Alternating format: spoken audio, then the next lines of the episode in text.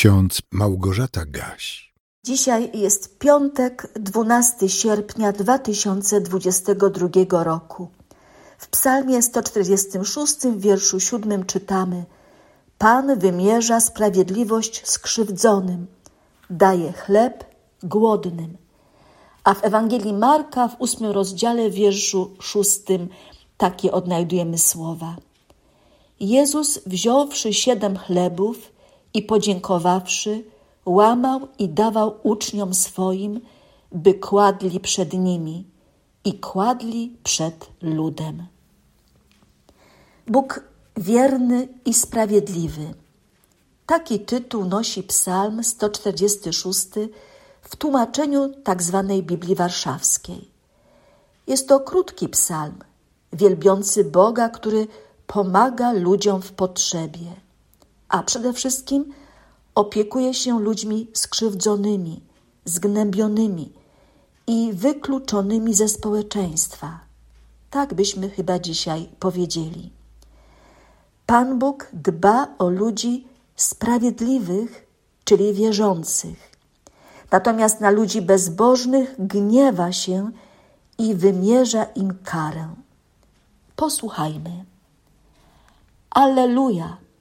Chwal duszo moja Pana. Chwalić będę Pana, pókim żyw. Śpiewać będę Bogu memu, dopóki żyć będę. Nie pokładajcie ufności w książętach, ani w człowieku, który nie może pomóc. Gdy opuszcza go duch, wraca do prochu swego. W tymże dniu giną wszystkie zamysły jego. Błogosławiony ten, którego pomocą jest Bóg Jakuba, którego nadzieja jest w Panu, Bogu Jego. On uczynił niebo i ziemię, morze i wszystko, co w nim jest. Dochowuje wierności na wieki. Wymierza sprawiedliwość skrzywdzonym, daje chleb głodnym. Pan oswobadza więźniów, Pan otwiera oczy ślepych, Pan podnosi zgnębionych, Pan kocha sprawiedliwych, Pan strzeże przychodniów, sierotę i wdowę wspomaga, lecz drogę bezbożnych zatraca. Pan jest królem na wieki, jest Bogiem Twoim, Syjonie, po wszystkie pokolenia. Alleluja. Drodzy słuchacze, w całej Biblii znajdziemy opisy sytuacji, w których Pan Bóg karmi ludzi głodnych, a czasami w cudowny sposób dostarcza im jedzenia. Wystarczy wspomnieć spadającą z nieba mannę i przepiórki, którymi lud izraelski żywił się wędrując po pustyni. Albo proroka Eliasza nad potokiem Kerit, gdzie w latach suszy ukrywał się przed złym królem Achabem i jego żoną Izebel.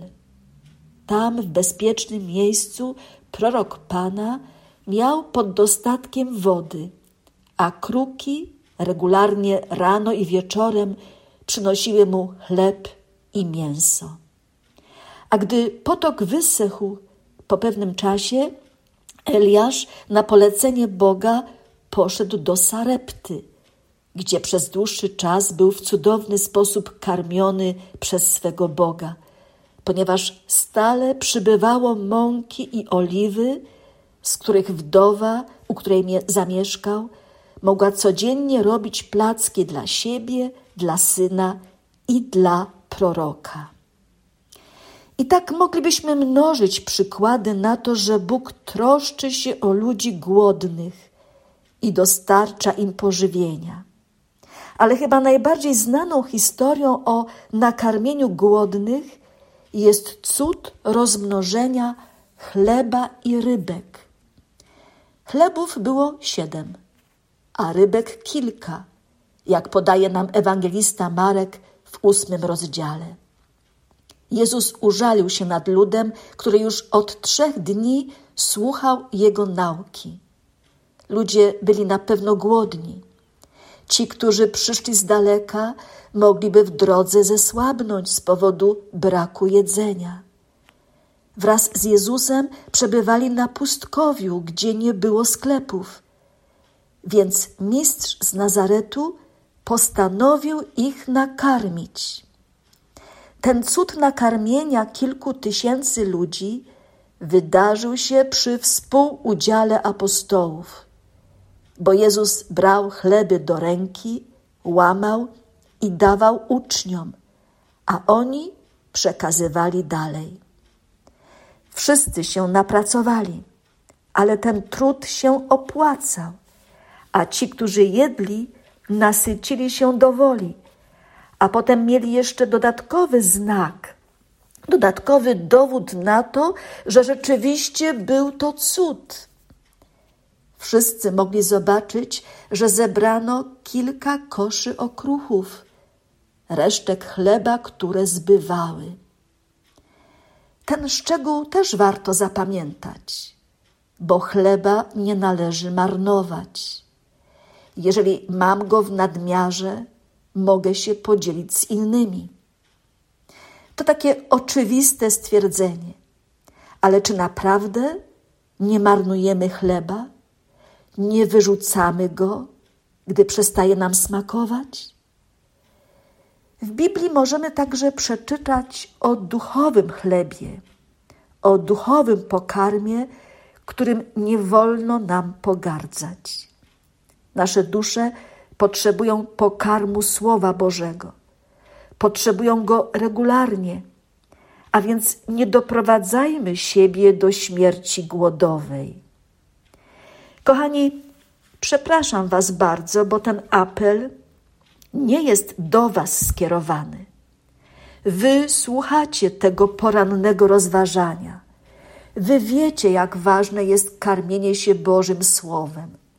Dlatego powiedzcie o tym innym, by oni też zechcieli brać ten duchowy chleb i nasycić się do woli. Módlmy się słowami modlitwy przygotowanej przez organizację Chleb dla świata. Jest ona na dziś zapisana w kalendarzyku z Biblią na co dzień. Przygotuj dla nas, wieczny Boże, każdy stół, przy którym ludzie się zgromadzą, aby świętować Twoje przychodzące królestwo pośród nas. Niech każdy chleb, którym się dzielimy, jest dla nas znakiem Twojej woli, abyśmy nie spoczęli, dopóki wszyscy na tej ziemi nie będą mieli chleba i nie napiją się wody życia. Amen.